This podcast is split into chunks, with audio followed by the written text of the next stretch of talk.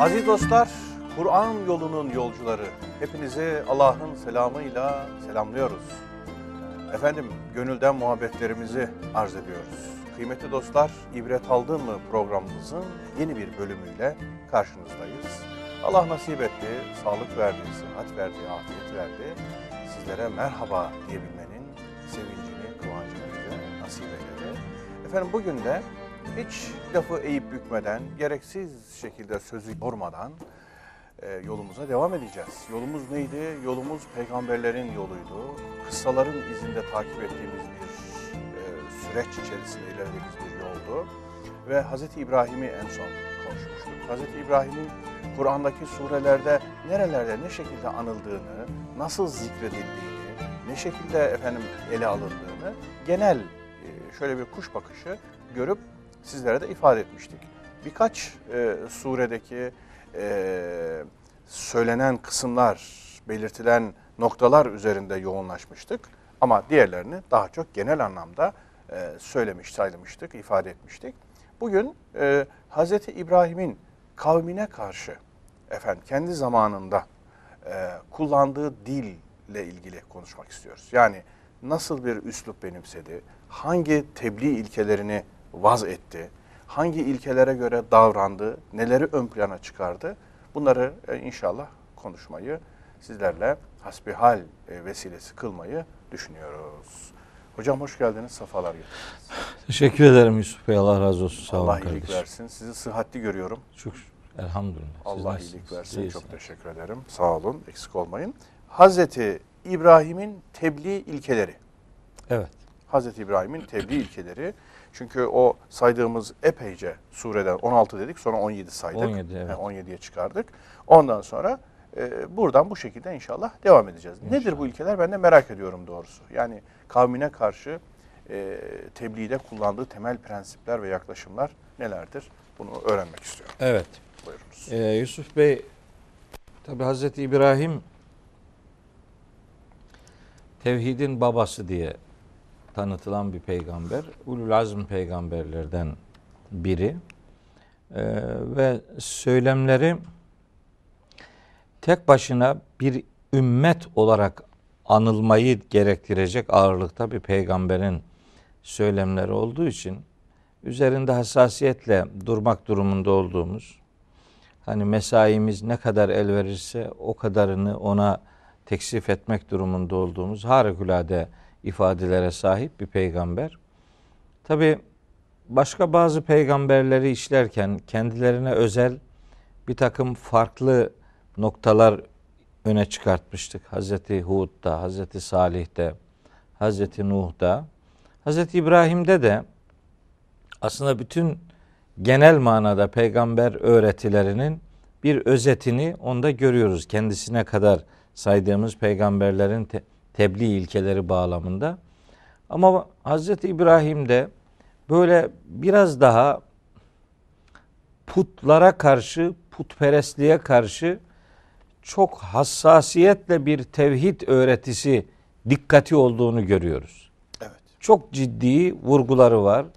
Çok ciddi tespitleri var ve muhataplarını o anlamda çok ciddi şekilde sarsan bir e, yapısı var Hazreti İbrahim'in. İnşallah kardeşlerimle o bölümleri işlediğimizde göreceğiz. Özellikle şu Ara suresinde ve Zuhruf suresinde sayılan bir takım ifadeler hatta Necm suresinde Hz. İbrahim'in Cenab-ı Hakk'ı tanıttığı cümlelere bakıldığında onun nasıl bir Allah algısına sahip olduğunu ve hele ki bizim Cenab-ı Hakk'ı bir peygamberin dilinden nasıl tanımamız lazım geldiğini çok nefis örneklerle ortaya koyacağız. Şimdi bugünkü programda sayacağımız ilkeler içerisinde Hz. İbrahim'in Cenab-ı Hakk'ı nasıl tanıttığı ile alakalı çok şeyler e, söyleyemeyeceğiz. Genel ilkeler üzerinde duracağız ama yani Hz. İbrahim denince akla bir tevhid babası, tevhid abidesi adam geliyor ve selam. Bu bir defa zihinlere kazınmalıdır. Ee, tevhid manifestosu sunan peygamber diyorum ben Hazreti İbrahim'e. Ee, gerçekten yani ezber bozmak diye böyle bir tabir varsa bu en çok da Hazreti İbrahim için söz konusu edilebilir derim yani. Bakın bunu söylerken e, Efendimiz'i de e, düşünerek söylüyorum. Çünkü Kur'an-ı Kerim'de Hazreti İbrahim'in yoluna uymak diye bir tabir vardır ve bu tabirin en önemli muhataplarının başında Hazreti Peygamber gelmektedir. Yani millete İbrahim'e hanifa diye bir kavramı var. Öteden beri bütün e, akan dereler sanki İbrahimi e, misyonu bize öne çıkartma noktasında bir bilgi veriyor. O noktada Hazreti İbrahim'i çok önemsediğimi, Hazreti İbrahim'le ilgili söyleyeceklerimizin bir anlamda insanlık tarihinin, peygamberler tarihinin çok önemli kilometre taşlarından birini, birincisini, ilk birkaçını oluşturduğunu özellikle beyan edeyim. Sözü böyle biraz geniş tutarak e, başlatma ihtiyacı hissettim önemine binaen. Şimdi Hazreti İbrahim denince bir defa bütün peygamberlerin olduğu gibi onun da tebliğinin ana maddesi Allah'a kulluk ve takva vurgusudur. Allah'a kulluk ve Allah'a karşı muttaki olmak e, Hz. İbrahim'in tebliğinde de tabi çok sıklıkla e, Hz. İbrahim'den söz edilen e, bu kıssalar dünyasında Allah'a kulluk, takva, tevhid, efendim bir farklı olarak bir şükür boyutu devreye girer Hazreti İbrahim'de. Kavmine karşı böyle bir şükür öğretisi görürüz onun tebliğ ilkelerinde. Ee, bu dörtlüyü yani Allah'a kulluk, Allah'a karşı muttaki olmak, tevhidi zedelememek ve rızkı Allah'tan bekleyip ona kul olup ona şükretmek böyle bir dörtlü ifade var önümüzde. Bu dörtlü ifadenin e, bize sunulduğu Ankebut suresinin 16 ve 17. ayetleri var. Ben şimdi bu iki ayeti biraz da 18. ayeti meselenin içerisine katarak e, bu hamuru yoğurmak istiyorum. Şöyle diyor Hazreti İbrahim. Estağfirullah. Ve İbrahim'e İbrahim'i de hatırlayın. Veya İbrahim'e de vahyetmiştik. İbrahim de peygamber öğretilerinden nasipkar olmuştu ki iz kâle li kavmihi kavmine şöyle demişti İbrahim. Ubudullaha Allah'a kulluk yapın vettekuhu ve ona karşı takvanızı takının. Ona karşı sorumluluğunuzu bilin. Ona karşı duyarlı olun. Allah'a kulluk ve ona karşı muttaki olmak. Kulluk aslında takvanın bir başka ifade ediliş biçimidir. Ya da takva kulluğun bir başka ifade edilişidir. Yani ikisi birbirinin yerine kullanılabilecek kavramlardır. Hatta mesela bir madalyonun iki yüzü. İki yüzü diyebiliriz. Hani bana biri sorsa ki dinin, İslam'ın gönderiliş gayesi nedir? Ya da bizim işte muhatap olduğumuz vahiy olarak Kur'an'ın gönderiliş gayesi nedir diye bir, bir şey sorsa hiç tereddütsüz şu cevabı veririm. Muttaki adam yetiştirmek. Kur'an'ın, vahyin indiriliş gayesi budur. Bu muttaki olabilmenin e, sağlayıcı argümanlarından birincisi tabi inançta bir sağlam duruş ortaya koymak ki biz buna inancın tevhid üzere dizayn edilmesi diyoruz. İnancın, kalbin Allah'a teslimiyeti sağlandıktan sonra artık o iman dediğimiz bu inanç değerlerinin iddiadan ispata dönüştürülmüş hali tek Allah'a kulluk yapmaktır. Allahu Teala'ya kulluk yapmaya da biz ibadet diyoruz. Bütün peygamberlerin gönderiliş gayesi, misyonu böyle beyan ediliyor. Nahil suresinde 36. ayette Rabbimiz Estağfirullah şöyle bir genel kural koyuyor. Buyuruyor ki ve lekad ba'asna fi kulli ümmetin rasula. Yemin olsun ki biz her bir ümmete mutlaka bir elçi göndermişizdir. Şunun için eni abudullaha Allah'a kulluk yapın ve citeni bu tağute ilahi olmayan Uzak. şeylerden kaçının, uzak durun diye. İşte ibadet dediğimiz şey tevhid kabulünün bir ispatıdır. Onun için ibadet kavramının içerisinde diğer peygamberlerde görmüştük. En yabudullaha ma leküm min ilahin gayruhu. Sizin için Allah'tan başka bir ilah, hiçbir ilah, herhangi bir ilah tasavvur dahi edilemez vurguları vardı. O vurgu burada yok ama Hz. İbrahim'i konuştuğunuz her yerde zaten zımnen öyle bir tevhid vurgusunun meselenin içerisinde yer aldığını görüyorsunuz. İki e, emir bu. Ubudullaha Allah'a kulluk yapın. Vettakuhu ve ona karşı takvanızı takının. Tabi takva kavramı üzerinde çok çok durduk ama her geçtiği yerde bir yani özel hatırlatma ihtiyacı hissediyorum. Ee, takva böyle bir görüntüden ibaret e, bir sunum değildir. Takva kişinin duyarlılığını ortaya koyan bir kavramdır.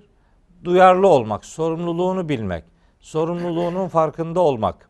Hatta kelimenin kök anlamından hareket ederseniz takva vaka kökünden gelen bir kelimedir ve vaka korumak anlamına gelir. Onun dört harfli, e, beş harfli şeyi kalıbı itteka, itteka, muttaki o edilgen bir mana kazanır. Korumak edilgen olunca korunmak anlamına dönüşür. Kur'an'da bazı ayetlerde tam da böyle geçiyor yani. Korunmak manasını vermek durumundasınız. Mesela e, Müzzemmil suresinin 18. ayetinde şöyle bir ifade var. Estağfirullah. Fe keyfe tettekûne in kefertum yevmen. Şöyle bir günü eğer e, reddederseniz, o inancınızı örterseniz nasıl korunacaksınız ki? O günün şiddetinden, dehşetinden sizi koruyabilecek nasıl bir değeriniz ya da gümanınız e, vardır diye. Mesela Tahrim suresinin 6. ayetinde e, Ya eyyühellezine amenu ku enfuseküm ve ehliküm naran. Ey iman edenler kendinizi de ailenizi de ateşten koruyun. Ku ve ka kelimesinin emir kalıbıdır. E, korumak anlamına geliyor ve bunun korunmak anlamı da var. Bu kelimenin kendi özel anlamı. Fakat dört harfli kalıba dönüştürüldüğünde Kur'an-ı Kerim'deki anlam zenginliği onun duyarlı olma manasına öne çıkartıyor. Kime karşı duyarlılık? İki şeye karşı duyarlılık. Bir, Allah'a karşı duyarlılık.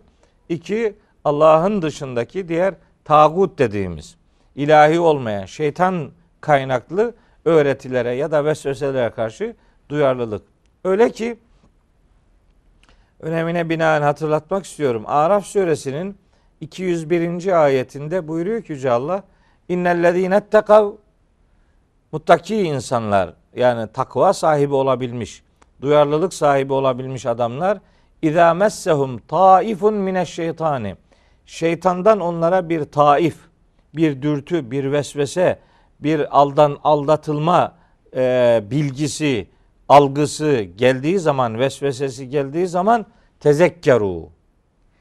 O şeytan kaynaklı düşüncenin kaynağını fark eder, gerçeği hatırlarlar hemen.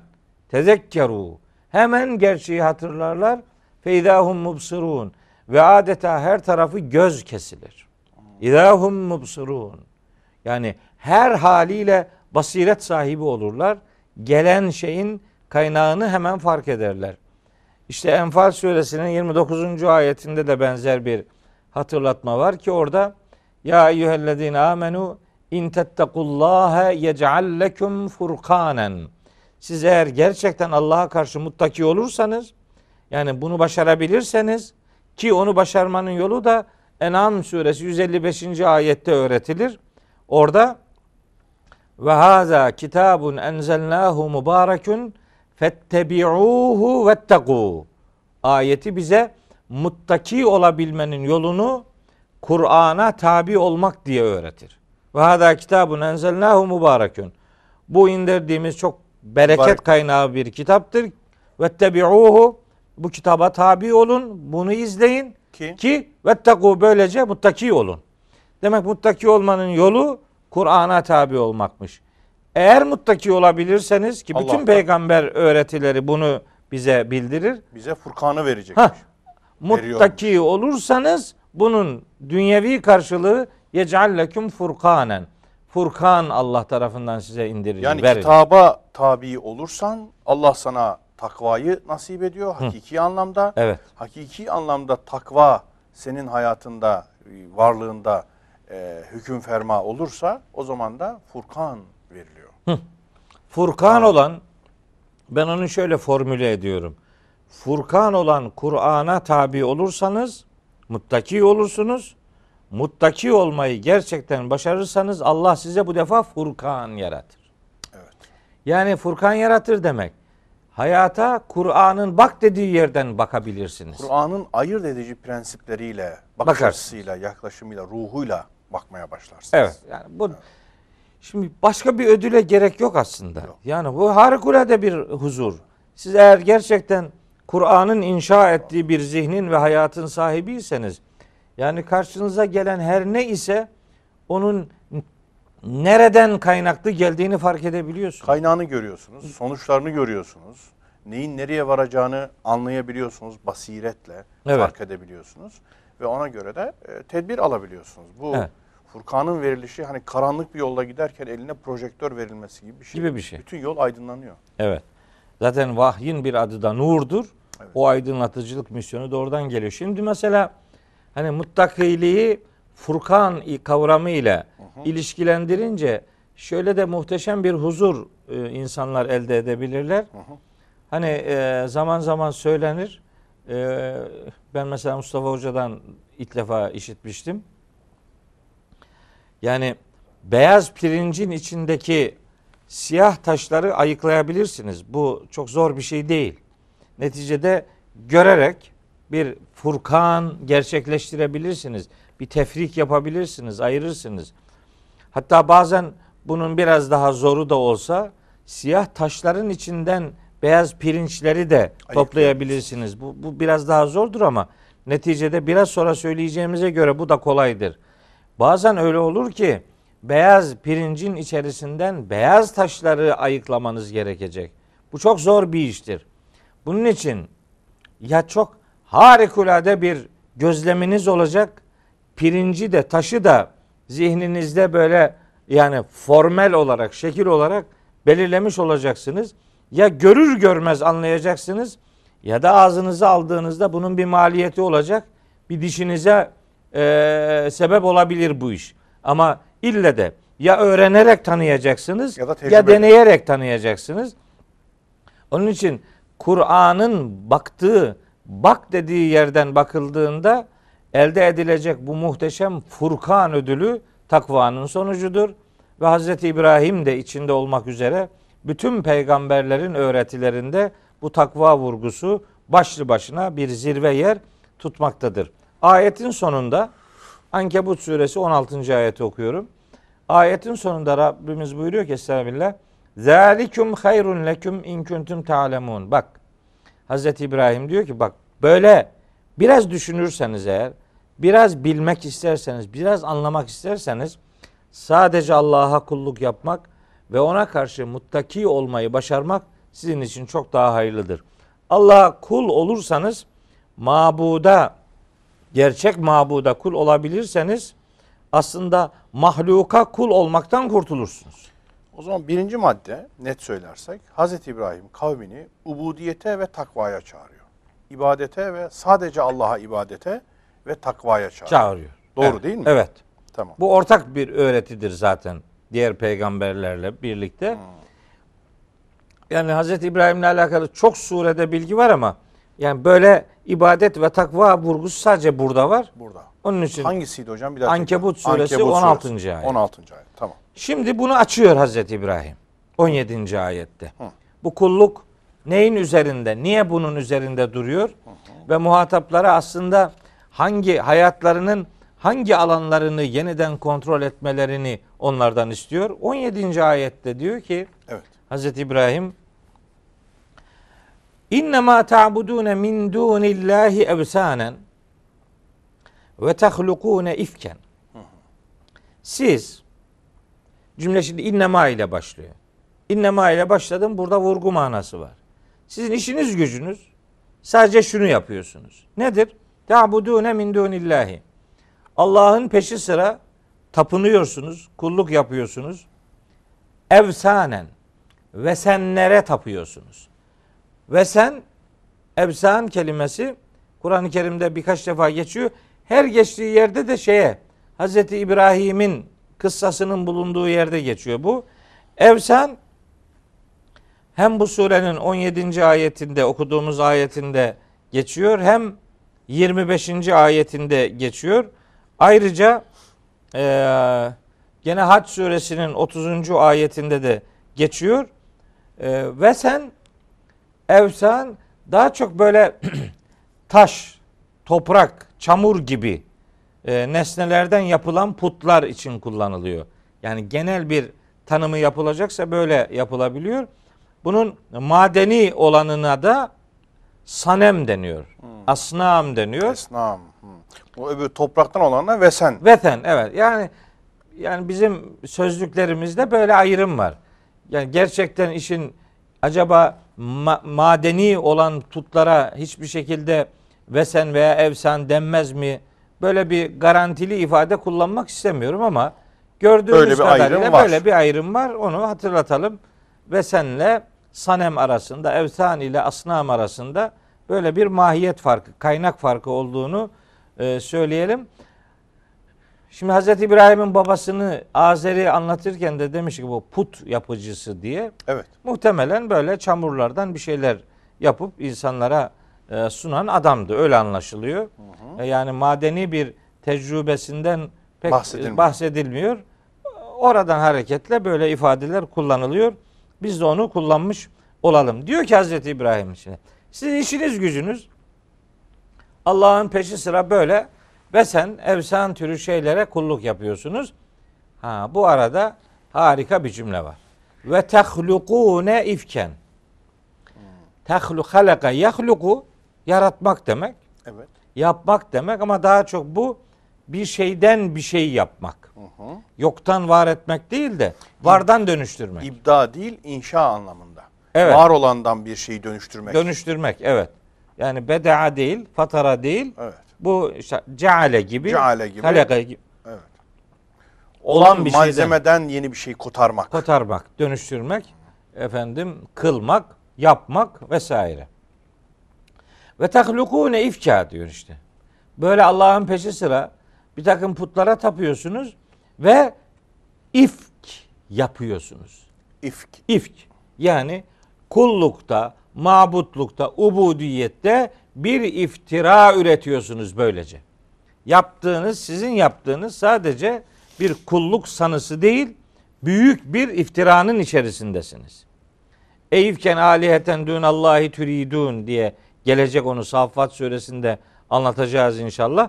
Orada da aynı kelime geçiyor. Hemen şimdiden ayet numarasını söyleyeyim. Saffat suresi 86. ayette. Eyfken aliheten yani ilahlar mı iftira ediyorsunuz? Dün Allah'ı Allah'ın peşi sıra türidün yani böyle böyle muradın peşinde mi koşuyorsunuz? Yani taptığınız şeylere bak. Allah'ın peşi sıra iftiralar üzerinden götürüyorsunuz. Öyle mi? Yani yazık boyunuza demeye getiriyor. Bir mukayese yapıyor. Bir sonraki cümlede. Bu cümleye bayılıyorum. Şimdi yani bir peygamber konuşunca sadece böyle bu yanlıştır yapmayın demiyor. Gerekçe sunuyor. Yani bu puttur buna tapma deyip kapatmıyor. O putun niye tapınılmaması gereken bir mahiyet arz ettiğini izah ediyor. Diyor ki innellezine ta'budune min dunillahi şu Allah'ın peşi sıra tapındığınız bu varlıklar var ya la yemlikune leküm rizkan ya. Yani sizin için hiçbir rızka sahip değiller. Yani bunların size bir ihsanı yok, bir ikramı yok, bir kazanımı yok. Nedir yani bunların peşinden ne diye sürüklenip gidiyorsunuz? Ne faydanız var? Hazreti Peygamber'in Mekkeli müşrikleri anlatırken de söylediği putları tanıtırken öyle. La yenfa'ukum darran ve la e, şey la yemlikune li enfusikum darran ve la nef'an. Sizin için de kendileri için Ne de zararı var ne faydası var. zararı da yok, faydası, Faydası da yok. yok. Ne yani bunların peşine gitmenin Ne faydası var? Hatta Enbiya suresinde diyor ki Hz. İbrahim Efeta'budune min dunillahi ma la yenfa'ukum darran ve la ve la nef'a veya tam ifadesini söyleyelim. Kale efeta'budune min dunillahi ma la yemliku e, ma la yenfa'ukum şey'en ve la yadurrukum 66. ayeti. Size hiçbir şekilde menfaati de dokunamayacak. Size hiçbir şekilde zararı da olamayacak. Bu varlıklara Allah'ın peşi sıra edindiğiniz, uydurduğunuz bu varlıklara ne diye tapınıyorsunuz diye gerekçeli konuşmak. Bunu yapma deyip geçmiyor. Niye yapma? Çünkü bir hiçbir faydası yok sana bunun. Oradaki e, temlik ifadesini nasıl anlayacağız? Yemlikune. Bu e, yani Ankebut 17'deki Ha, mi? Ankebut 17. Yani e, ta'budune min dunillahi la yemlikune leküm rizkan. Yani hiçbir şeyi sizin sizin için bir rızık diye belirleyebilecek güçleri yok. Yani rızık kavramı Allah'tan başkasına nispet edilemez. Bu her neyse rızık olacak şey bunun aidiyetini Allah belirler. Bu adamlar ne yoktan var edip size bir şey verebilirler ne de rızık olmayan bir şeyi size rızık diye tanıtabilirler. Hani o kelimenin anlamı oradan ne olarak çıkar? Yani Düz meleke- bir anlam, meleke anlamında mı? Ve Yani sahip kılmak. Bir rızık verme melekesini haiz değildirler Bir, manası. hem yoktan bir rızık yapıp size sunamazlar. Hem olanlardan rızık olmayan şeyleri size rızık diye sunamazlar yani. Yani bir meleke melik anlamı da var mı? Yani kelimenin kök anlamında anlamı var. var. Yani melik lamı esre okursanız melik olur. Hatta o melk, milk, Milk. mülk Mülk evet. ifadeleri de var. O mülk olursa sahibiyet manası verir. O sadece Allah'a nispet edilir. Tamam. Ama bunun bir de milk kısmı vardır. Milk ise geçici sahiplik manasına gelir.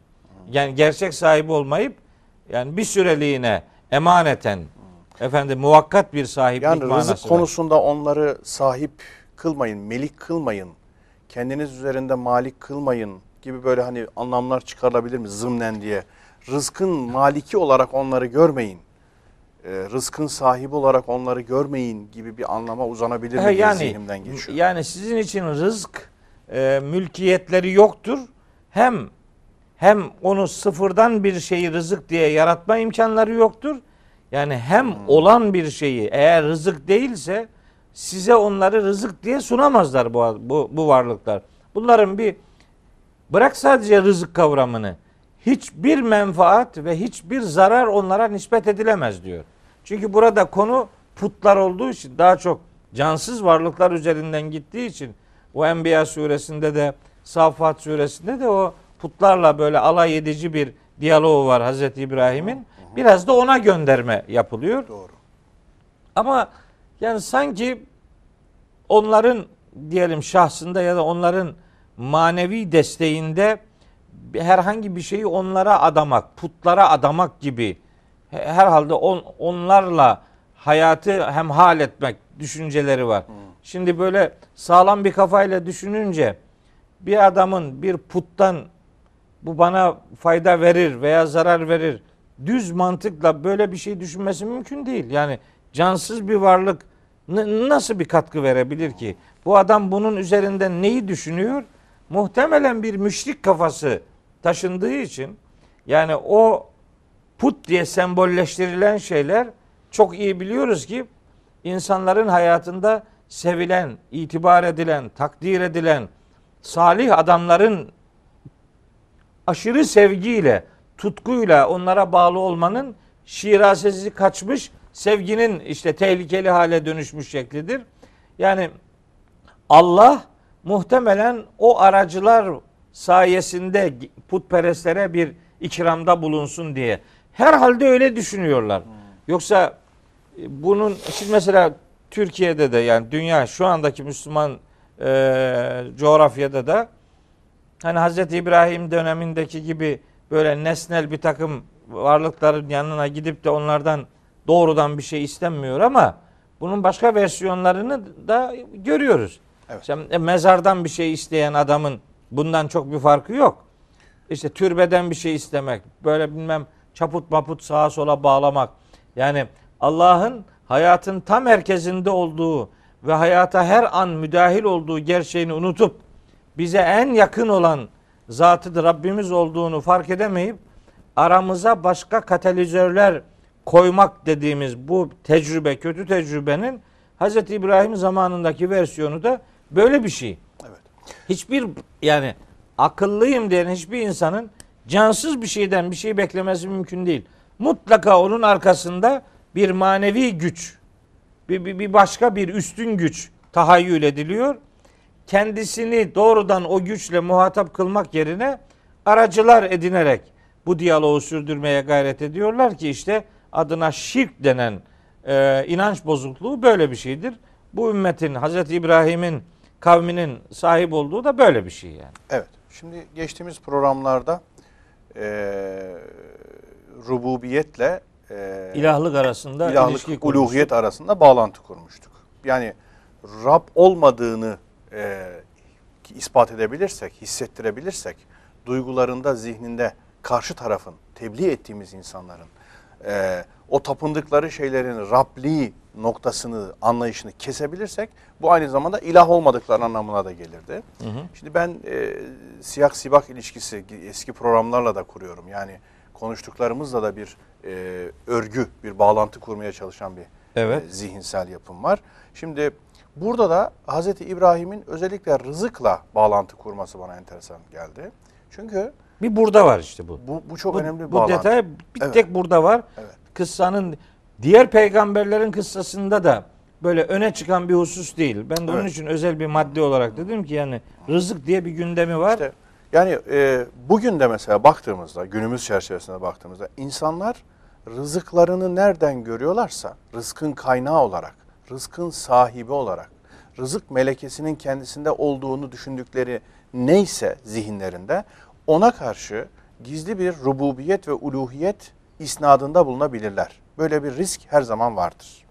Yani bir insan rızkının kaynağı olarak şirketini görüyor. Bakın modern uyarlamalar yapıyorum. Evet, afaki olabilir. doğru. Diyor ki Allah diyor şirketime zeval vermesin. Bu şirket aman diyor devam etsin. Fakat buna kalben de böyle bakıyor. Yani rızkın kaynağında vesile olarak şirketi görmüyor. Vesileyi amaca dönüştürmüş. Amaç e, araç amaç haline dönüşmüş ve onun zihninde şirket gittiği zaman aç olacak, aç kalacak. Başka bir türlü kapı mıpı yok. Yani zihnini Evet. oraya endekslemiş, Rızkın arkasında Allah olduğunu unutmuş. unutmuş. Bunu itikaden, zihnen, tevhiden unutmuş. Onu ve zihni, kalbi, duyguları böyle çalışıyor. Bakın rızkın e, arkasında bir gizli rububiyet tevehhümü var. Evet. Yani ben şöyle e, zihnimde uyarlıyorum. Bir insanın e, rezakiyeti nerede görüyorsa bir insan, rububiyeti de orada algılama eğilimi vardır. Yani rızıkla rububiyet arasında bağlantı vardır. Ondan sonra uluhiyet bağlantısını zaten daha önce çalışmıştık.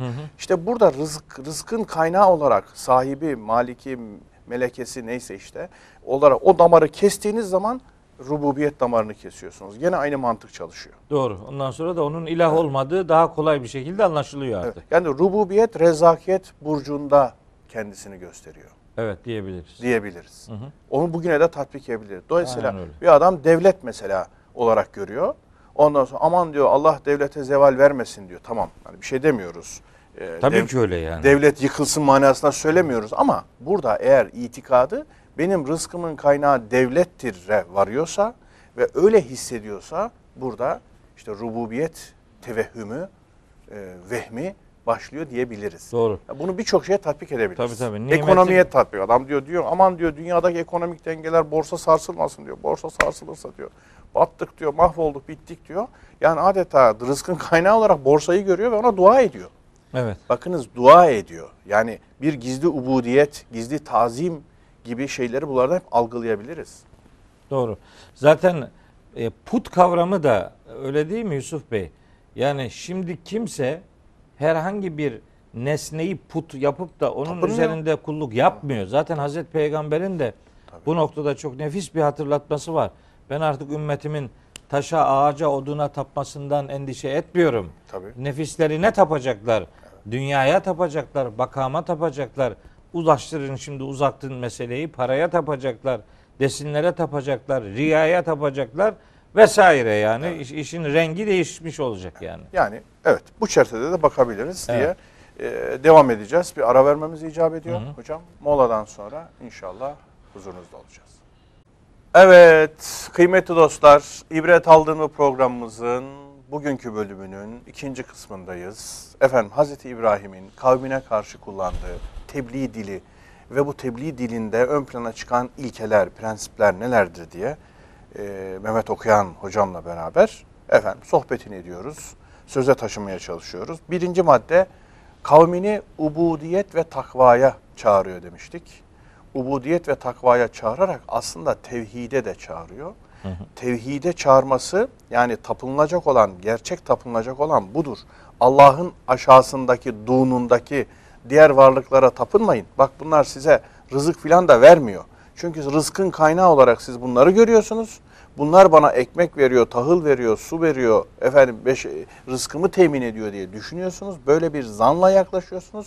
Bundan dolayı tapınıyorsunuz. Yani onlara Rablik isnat ediyorsunuz, ilahlık isnat ediyorsunuz. Altında rızkın kaynağı olarak bunu görme yanılgısı var diye Ankebut suresinden hocam atıfta Evet, bulundu. 16, 16-17. ayetler. Ondan sonra kaldığımız nokta buydu. Hz. İbrahim'in tebliğinde kullandığı harika bir usulden bahsettik. Onların rızık vericilik zannını bir defa ortadan kaldırıyor. Rızık vericilik zannının kaynağını gösteriyor. Diyor ki gerçek rızık verici Allah'tır diyor. Asıl kaynağı gösteriyor. Dolayısıyla sahte ilahlardan gerçek tevhidin kaynağı olan Rabbül Alemine nazarı çeviriyor. Zihinleri çevirmeye e, çalışıyor diyebiliriz diye aklımdan geçiyor. Evet, evet. Evet buyurunuz. Ee, rızkı Allah'a nispet etmek yani onlara diyor ki ya belki böyle bir düşünceniz var. Bu putlardan size bir şey geliyor falan. Öyle mi zannediyorsunuz ama gördüğünüz gibi yok böyle bir şey yani. Onların size verecek hiçbir hiçbir malikiyetleri yok yani. Hiçbir şeye sahip değiller. E, öyleyse yani size bir faydası olmayan böyle bir algının peşinden ne diye gidiyorsunuz? Yani belki de Hazreti İbrahim şunu demek istiyor. Yani öyle bir ilaha tapmalısınız ki onun size faydası olsun. Sizin ona bir faydanız olmasın.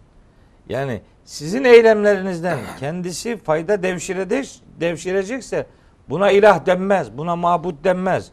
Onların tapındığı varlıkların fonksiyonel bir icranın sahibi olmadığı üzerinde duruyor.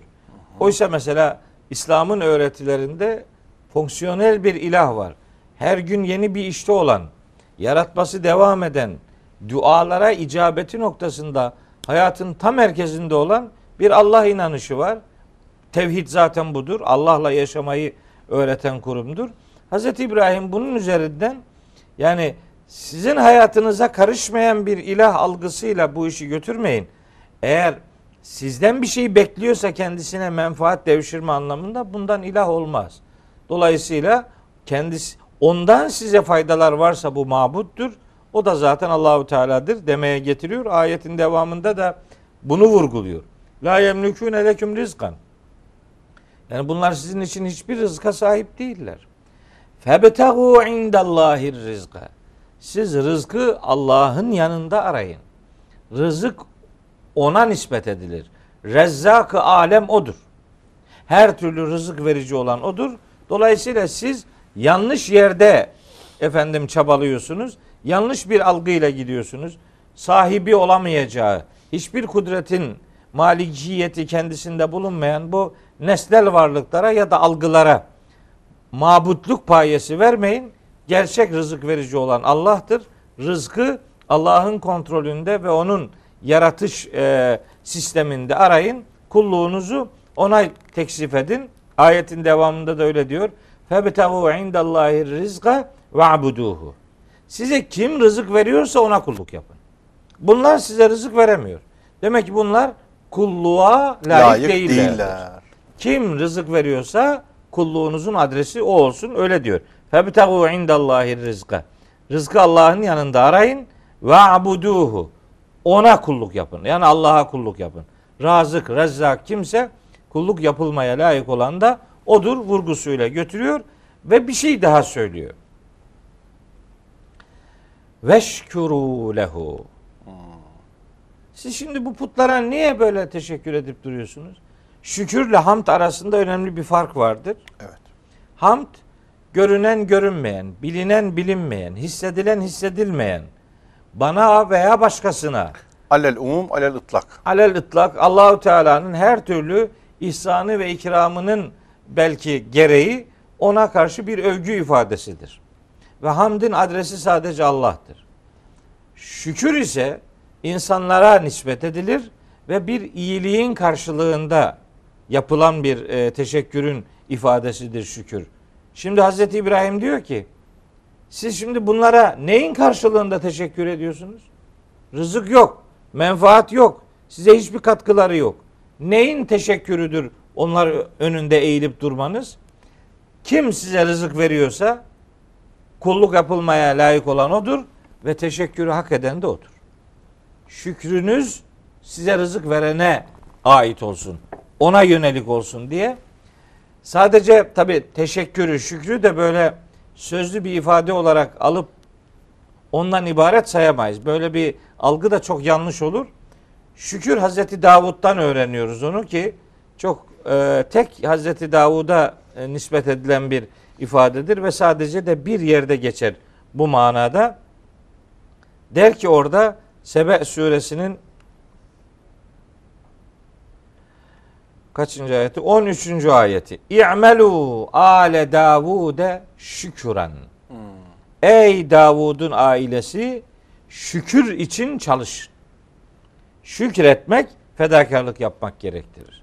Allah size e, imkanlar, nimetler ihsan ediyorsa ona kulluk yapın ve teşekkürünüzü de ona kulluk yaparak gerçekleştirin. Sadece biz şimdi yemek yerken de yemekten sonra da öyle diyoruz. Elhamdülillah ya Rabbi şükür çok şükür işte doyduk filan bilmem ne. Onlara öyle şükür olmaz. Hocam ayeti bir daha okuyabilir miyiz? Hani rızkı Allah'ın indinde. 13. ha şey mi? Ankebut. Ankebut. Febtehu indallahi rizka. Rızkı Allah'ın yanında arayın. Ve'buduhu. Allah'a kulluk yapın. Ve şükuru lehu ve ona şükredin.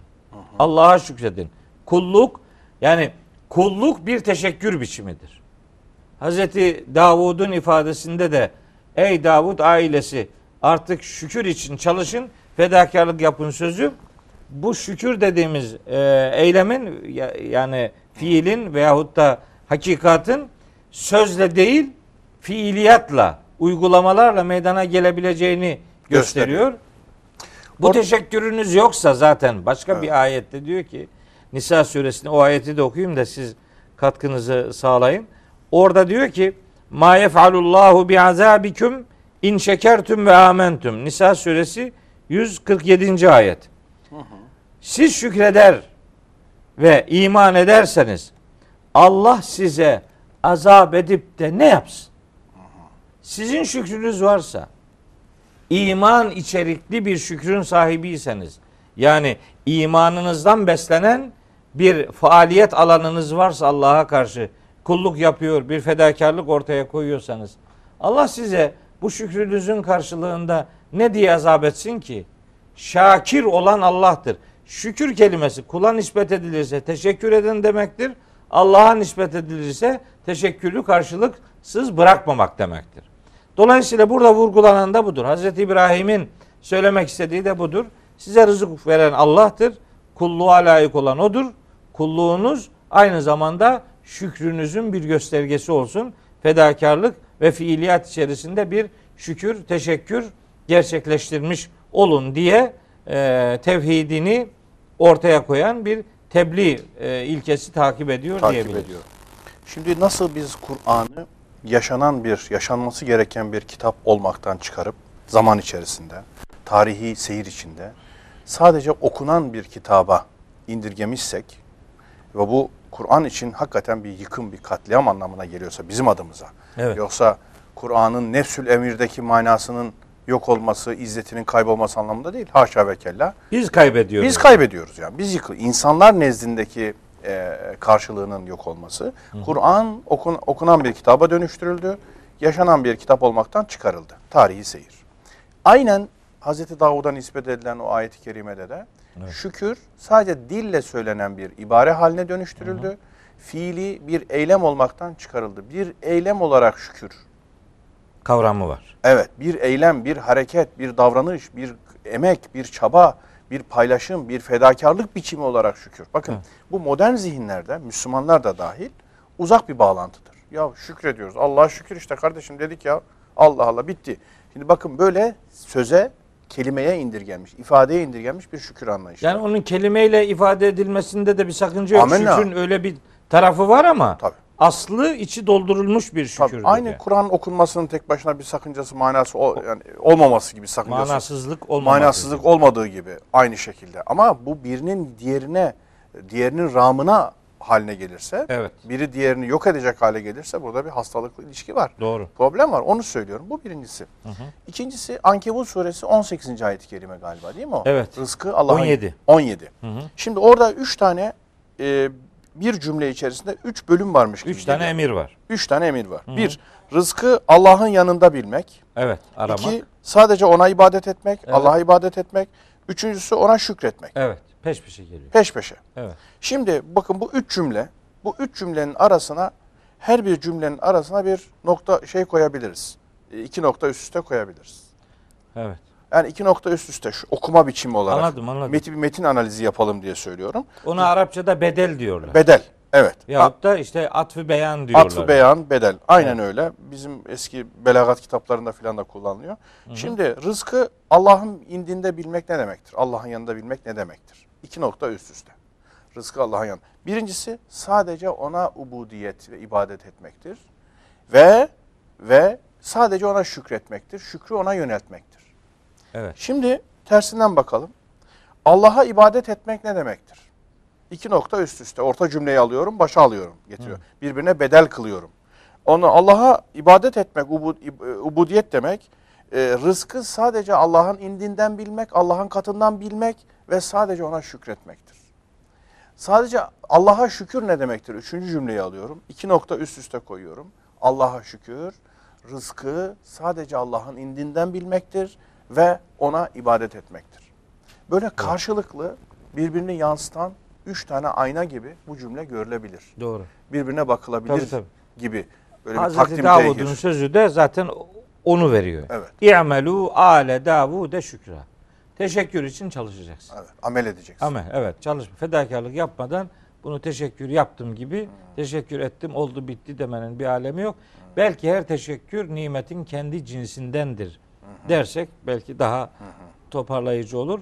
O bunlar birbirinin mütemmimidir, birbirini tamamlayan ifadelerdir.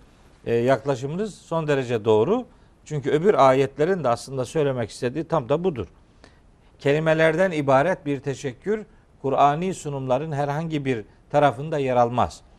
Şükür sadece ondan ibaret gibi görülemez. Onun fiiliyata dönük bir tarafı vardır. Belki bu ayetler bağlamında düşündüğümüz zaman yani şükrün bir iyiliğin karşılığında yapılan e, bir e, efendim minnet ifadesi olduğunu düşündüğünüz zaman putlarla haşa bir karşılaştırma, Allah'ı karşılaştırma gailesiyle söylüyor onu Hazreti İbrahim. Diyor ki yani yani ne bunlara ne diye tapıyorsunuz? Bunların size rızık veren bir tarafı yok. Onun üzerinden rızık veren Allah'tır. Ha, rızık veriyorsa kulluk yapılmaya layık olan odur. Bu sizin aslında bir teşekkür biçiminizdir. Teşekkürünüzü sadece Allah'a yapın. Bu diğer varlıkların teşekkürü hak edecek herhangi hiçbir tarafı yoktur. Dolayısıyla aldanıp yanlış yollara gitmeyin demeye getiriyor ve ayetin sonunda da çok çok harika bir başka cümleyle bu mesajını toparlıyor. 18. ayet. 17. 17. 17. ayetin son 16 cümlesi. 17'nin sonu. Son. Peki. Yani febtegu indallahi rizqa va'buduhu veşkuru lehu ileyhi turcaun. Zaten döndürüleceğiniz makam da sadece bu ilahi makamdır. Yani size verilen rızıkların hesabını size rızkı veren soracaktır. Dolayısıyla bu putlara tapmakla bunlar sizi yargılamayacaklar. Yargılayamayacaklar. Bunların yargılama imkanı yok, makamı yok, mekanı yok. Bunların sizinle alakalı herhangi bir fiil icra etme durumları yoktur. Öyleyse hesabınızı kim soracaksa kulluğunuz ona dönük olsun.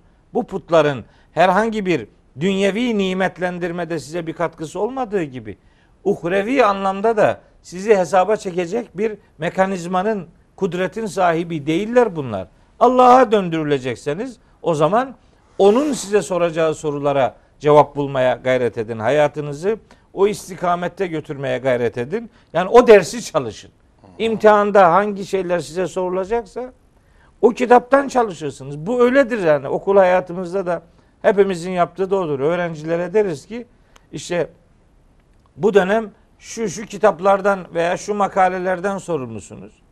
Öğrenciler onlara çalışırlar. Hiçbir öğrenci yani bilmiyorum istisnası var mıdır ama sorumlu olduğu kitabın dışında imtihanla ilişkilendirerek başka bir kitap okur. Okumaz. Hangi kitaptan sorumluysa onu okur. Ben bir süre Mısır'da kalmıştım Yusuf Bey. Orada bu Ezher Üniversitesi'nde bir e, ilahiyatta bir üç aylık doktora tezim vesilesiyle oraya gitmiştim. Orada Kahire'de kalmıştım da.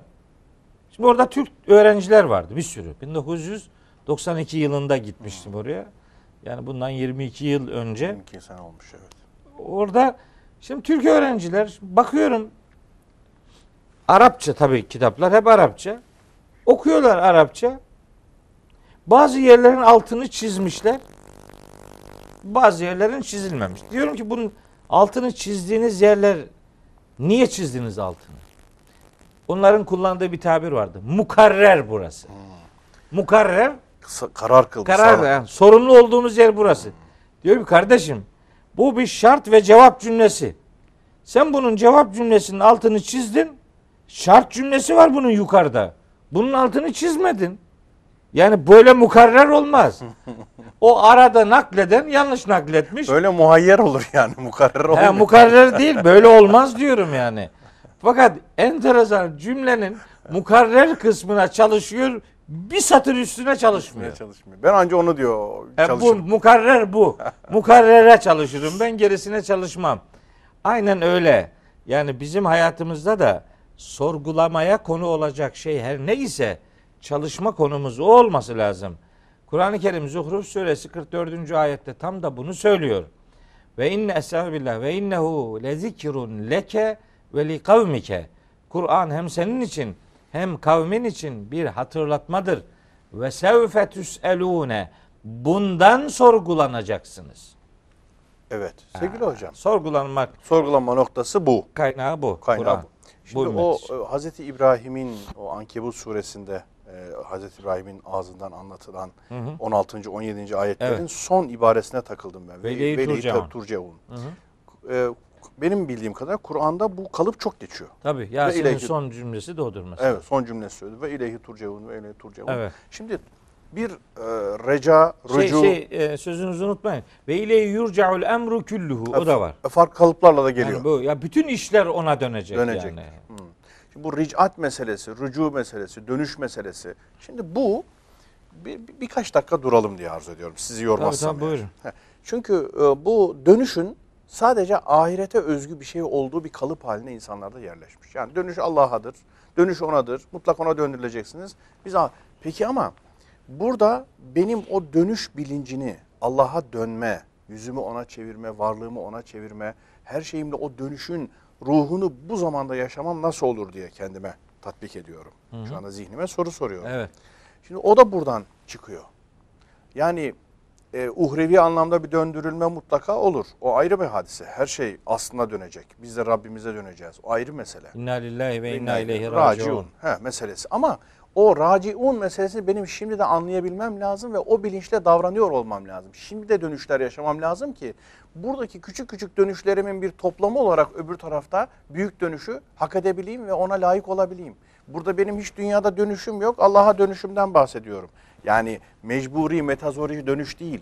Bir de varlığınla ona dönüşten, o dönüşü kabul etmekten, o dönüşü şimdi ve burada yaşamaktan bahsediyorum. O da nasıl diye. E, muttaki olunca Allah'ın sana takva Furkan vermesi bir dönüş biçimidir yani. Ayetin içindeki o bağlantıyı hani az önceki tahlili Evet, kuralım. Bir, rızkı sadece Allah'ın indiğinden bilmek bir dönüştür. Yediğim, içtiğim her bir anımda öyle bir bilinci kuşanacağım ki, öyle bir davranış bakış açısı geliştireceğim ki içtiğim suda bu rızkın katında Allah'ın katındandır olduğunu bildiğimde bu bir ricattir diyesim geliyor. Yanlış olabilir. Yani Allah'ın ona dönüş e, ona dönücü olduğumun bilincinin şimdiki zamanda bir ifadesidir. O dönücülüğümün şimdiki tasdikidir. Bir, neydi o? Rızkın Allah'tan. İkincisi, sadece ona ibadet etmek bir dönüş provasıdır. Bir dönüş göstergesidir, dön- dönüş bilincidir. Üçüncüsü, şükrü Allah'a ait kılmak e, ve bunu fiili hale, ameli hale getirmek bir dönüş göstergesidir. Şimdi e, biz Allah'a döndürüleceğiz. Tamam öbür tarafta keyfiyetini bilmediğimiz bir durum. Ama şu anda benim bir sınavım var, bir imtihanım var. Sorumlu olduğum noktalar var. Bu sorumlu olduğum noktalarda bu e, sadece ona döndürüleceksiniz meselesini yaşıyor, hissediyor ve bu anlayışla yaklaşım geliştiriyor olmam lazım diye e, ayetin kendi içinde bir üçlüydü dörtlüye çıkardım okuma biçimini. Doğru mu acaba? Yani bu Rücu. zaten e, dinin insana kazandırmayı hedeflediği duygu zaten bu. Evet. Yani ben öteden beri söylüyorum. Dinin indiriliş gayesi insana Allah'la yaşamayı öğretmektir. Yani her şeyin kaynağında Allah'ı görebilmek diye bir e, meselesi vardır bu öğretilerin özet olarak. E, tabii ki yani rızkın kaynağında Allah'ı görmek Allah'a buradayken bir rücudur. Yani Al- Allah Allah'ı fark etmek. İşin arka planını görebilmek. Yani kalbini ona döndürüyorsun. evet. Kalbinin kıblesi. Kıblesi tayin ediyorsun. Aklının kıblesi tayin ediyorsun. Yaşamının kıblesi tayin ediyorsun. Organların organların kıblesi Kabe'dir ama yüreğin kıblesi Allah'tır. Dolayısıyla her nimetin arka planında göndericisi olarak Allahü Teala'yı görmek eğer bir rücudur denirse denebilir. Bunda hiçbir sakınca yok. Ben sadece Allah'a kulluk yapıyorum sözünde maksat Allah'tan başkasını değil Allah'ı hesap ederek bu fedakarlığı yapıyorum demek kulluğun ricatini Allah'a yönetmektir. Doğrudur. Yani şükrü de teşekkürü de bir nimetin karşılığı, rızkın karşılığı olarak Allah'a teksif etmek, nimeti kaynağıyla buluşturmak anlamında bir fedakarlık e, biçimidir. Doğrudur. Yani Hazreti İbrahim'in bunu hatırlatması, ifade etmeye gayret ettiğim e, cümlelerden hareketle bir daha söyleyeyim. Yani ey ahali siz yanlış yerlere oynuyorsunuz. Bunların bunların size bir faydası yok. Siz onlara bir şeyler yapmaya gayret ediyorsunuz gereksiz yere. Oysa size hayatı veren, rızkı veren, sizi yoktan var eden, varlığınızı devam ettiren ve nihayet sonuçta size bütün bu nimetlerin hesabını soracak olan kudret Allah'tır. Bir ahiret bilinci üzerinden e, mesaj verildiğini, asıl kastın önemli olarak bu olduğunu beyan etmeliyiz. Nihayetinde bütün peygamberlerin tebliğlerindeki muhataplar büyük oranda müşrikler olduğu için bunların önemli bir kesiminin bir ahirete iman sorunu olduğunu biliyoruz. Bir kısmı ahirete hiç inanmıyor. İnananlar da ahireti kendi düşüncelerinde dizayn ediyorlar. Yani buradan hayalinin ulaşabildiği kadar işte mahkeme-i kübrayı o büyük yargılama alanını kendileri hakimlerini, mübaşirlerini, avukatlarını, şahitlerini kendileri buradan dizayn ediyorlar. Orada putların işlevler icra edeceğini düşünüyorlar. Tevhid bütün bu algıları reddeden bir öğretiye sahiptir. Diyor ki Hazreti İbrahim, yok öyle şey. Rızkı veren Allah, kulluğa layık olan O, bunun için fedakarlık yapılması gereken makam orasıdır. Ve nihayet hayatınızın her alanının hesaba konu edinile, edinileceği ricat makamı da orasıdır. Bir ahiret vurgusu üzerinden bir ahiret bilinci gerçekleştirmeye gayret ediyor Hazreti İbrahim. Çünkü meseleyi sadece dünyevi ilişkilerden ibaret sayarsanız herkesin kendine göre dünyevi bir takım izahları olabilir. Ama sorgulanacağınız yer orasıdır ve sizi sorgulayacak makam işte ilahi makamdır dediğiniz zaman bu dünyevi hayattaki meşguliyetlerini de bir anlamda dünyevi ricate konu et- ettirebilirsiniz. Ancak o zaman zaten fiillerin anlamlı olabilmesi kalbin niyetiyle ancak belirlenebilir. Kalbinizin niyeti başkaysa fiillerinizin adı da başka olur. Sabahtan akşama kadar aç susuz durursunuz. Buna açlık derler, diyet derler, bilmem başka bir şey derler ama bunu imsakten iftara kadar bir bilinçle, niyetle yaparsınız. Bunun adı oruç olur. Belli hareketleri ayakta eğilerek, efendim yere kapanarak yaparsanız bunlara kültür fizik derler. Ama bunu abdestle yapar, niyetinizi belirlerseniz bunun adı işte namaz olur. Efendim pirzola yemek için hayvan keserseniz bunun adına ziyafet derler. Ama bunu Allah rızası için yaparsanız adı kurban olur. Yani niyetiniz belirler. Ricatiniz yani sizin katkınız üzerinden söylüyorum. Burada rücuu sağlarsanız ki bu ancak bir ahiret inancıyla mümkündür. Ricatı ahireti mütekamil kavrayabilmek için burada her eylemi Allah'la ve onun rızasıyla buluşturmaya gayret etmek bir kulluk ödevidir. Vurgulanan hususiyet budur. Hayattan uzak Allah anlayışını tevhid öğretisi reddeder. Hz. İbrahim'in de öğrettiği budur. Yani. Aynen. Hayattan uzak ricat anlayışı da işte benim bir türlü kafama yatmıyor. Çünkü neden? Şöyle bir şey var. Hep şu mana verilince insanlar Allah'a döndürüleceksiniz. Ya bakalım ileride bir döndürüleceğiz. Allah'a döneceğiz zaten. Şimdi bakın uzaklaştırılıyor. Halbuki ricatin her bir eylemimize, hareketimize, anımıza inmesi lazım. Hayatımıza inmesi lazım. Ricat bilincinin. O yüzden evet. o öyle bir e, vurgu yapmaya gayret ettim. Şimdi bir uzak... Şeyi de e, Yusuf Bey, belki bir, bir yanlış anlamaya yol açmasın yol diye. açmayalım. Hani Allah'a ulaşmayı dilemek diye bir, Tabii var. bir söylem var. Evet. Allah'a ulaşmayı dilemeyi evet. yani burada bir şeyhe Yo, yo, birine yo, yo, yo. yani korkuyorum öyle bir anlayış olabilir. Yok, yok. Kastımız uzaktan yakından bu değildir. Yo, bunlar- Aman ha Evet. yani oraya bir kapı aralamış olmaz olmayalım Ve sözlerimizle. benim aklıma öyle bir şey gelmedi. Evet. Onu kastetmiyorum. Şöyle bir gemidesiniz. Uzak bir okyanusa açıldınız. Hı hı. Gemi bir adada kısa bir mola verdi. Size belli bir zaman verdi. Gidin o adadan ihtiyaçlarınızı temin edin. Şöyle de biraz bakın gelin dendi. Evet. Şimdi iki grup insan var. Birinci grup bir gemiyle uzun bir seyahatte okyanusta olduğunu, o gemiye tekrar döneceğini unutuyor. Anlatabiliyor muyum? O bilinci, o anlayışı unutuyor ve etrafın seyrine dalıyor. Çakıl taşlarıyla oynuyor. Denizden işte adanın kenarındaki o ne bileyim ben bir takım e, taşları toplamaya başlıyor. Adadaki ağaçların dallarına çıkıyor, orada kalıyor vesaire. Bir kısmı da sürekli gemiye dönme anlayışını koruyarak ona o zihni o, o şeyi zihninde taze tutarak adanın nimetlerinden suyunu alıyor, meyvesini alıyor, e, rızkını alıyor, alacağını alıyor, tekrar gönüllüce dönüyor. Gönüllüce. Asıl hedefi unutmuyor. Unutmuyor. Diğeri ise unuttuğu için karga tulumba onu gemideki zabitler tarafından alınıyor ve geminin içine atılıyor. Şimdi böyle bir metafor kuruyorum. Bunda Epiktetos diye bir filozof var. Ondan e, iktibas ediyorum yani alıyorum. Şimdi neyi anlatmaya çalışıyorum?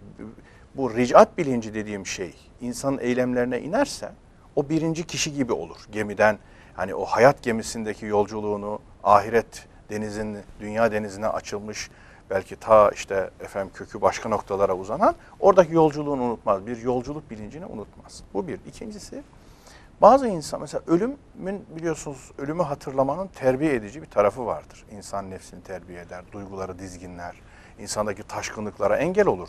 Ölüm bir terbiye yöntemidir. Ölümün hatırlanması. İşte bütün o lezzetleri acılaştıran ölümü anın siz de daha önce konuştuk. Evet, evet. Şimdi bazı insanlar ölümü ileride belli bir zamanda gelecek bir şey olarak gördüklerinde ölümü hayatlarına uzaklaştırıyorlar. Ve ölümü hatırlamıyorlar. Yani ö- bir yerde öleceğiz, bir zaman öleceğiz. Hayır. Bir de hayatın içinde sürekli ölüm var. Yani mesela 5 dakika öncemiz öldü. Benim bir saniye öncekim öldü, zamanım öldü. Bak ölüm şu anda, şimdi ve burada. Bu bilinci kuşandığın, hissettiğin zaman Zaikatül mevt o demek. zaikatül zaten. mevt. Ölümün tadılması, her an tadılması. Evet. yani. O işte zaikatül mevti yaşadığın zaman bu sefer davranışlarını da ona göre ölçülü yapmaya çalış. O sana bir bilinç, bir duyarlılık, bir hassasiyet verir ister istemez yani o ruhu, o anlayışı taşıyorsan. Şimdi bunun gibi ricat bilinci dediğim şey yani buradan bugün şimdi çıktı. Ondan sonra böyle bir hadise rızkı sürekli Allah'tan bilmek, bunu her anına tatbik etmek. İkincisi ubudiyeti sürekli Allah'a mahsus kılmak, tevhidi ve teslimi gerçekleştirmek Hazreti İbrahim'in kıssasından. Üçüncüsü de fiili şükrü daima yapmak, ona yöneltmek. Bunları yaptığın yerde bil ki sen o gerçek güzel dönüşü yavaş yavaş adım adım kuruyorsun. O yapıyı devam ettiriyorsun. Hı hı. Öbür türlü bir yerde döneceğiz. Hep, öteli, hep ötelemek, ötelemek, heh. ötelemek. Yani cenaze namazlarına giderken de insanlar hiç bir gün kendilerinin de cenaze namazının kılınacağını tahayyül etmezler. Evet. Herkes başkasının namazını kılacağına programlıdır. Programlanmıştır. Onun için mesela ölüm Evet. en büyük, en güzel öğütçüdür diyor Peygamberimiz. Evet. Evet. öyledir ama insanlar böyle başkasının namazını kılmaya endekslendiği için benim de bir gün namazım kılınacak. Bunun üzerinden Tabii. düşünmüyor. Başkasının Yani ölümünü Başkasının daha çok düşüyor. ölümünü düşünüyor yani. Ee, siz daha önceki bir programda Hazreti Salih'i konuştuğumuz bir programda israf kavramı üzerinde bir katkınız olmuştu. Ben onu artık hiç unutmuyorum. Ee, israfı daha çok elde olan nimetlerin hani veriliş gayesine uygun ya da veriliş gayesine aykırı harcamayla ilişkilendiriyoruz. Genelin ilişkilendirmesi Genelin israf denen bu. budur. Ha ben o zaman demiştim ki işte bir kuruş bile olsa Allah'ın rızasının dışında verdiysen bu israftır. Evet. Ama milletin algıladığı şudur. Yani nere olursa olsun fazla veriyorsan israftır. Halbuki israfı İbn Abbas'tan öğrenmiştik onu. O veriliş gayesinin dışındaki harcamaya israf diyordu. Siz de demiştiniz ki asıl israf tabii ki bu israftır da. Asıl israf nimetin kaynağını unutmaktır. Baktır. Oradan hareketle belli ki sizin düşünce dünyanızda mesela hayatı Allah'la buluşturmak ve her eylemi onun istediği ve rızası doğrultusunda anlamlandırmak diye bir yaklaşım var. Evet. Çok doğrudur. Ee, ahiret bilinci de belki en iyi böyle. En iyi böyle. E, böyle sağlan. Şu Tabii. programı yapıyoruz. Tabii. Maksadımız eğer Allah rızası için ruzi mahşerde önümüze bunun bir sevap olarak gelmesini düşünmek ve Allah'a dönmeyi burada başarabildiysek inşallah mahşerde bunun Tabii. efendim ödülü fazlasıyla verilecek. Son bir cümle hocam. A- ahireti bir kompartımandan çıkıp öbür kompartımana girmek gibi düşünürsek yatay ahirette. Yani ben bu dünyadayım. Dünya bir kompartıman.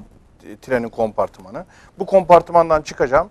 Bir efendim e, ahiret diye bir kompartıman var. O kompartımana gireceğim. Bakın bu ikili bir anlayış. Kopuk bir anlayış. Ahireti şu anda dikey bağlantıyla düşünmek.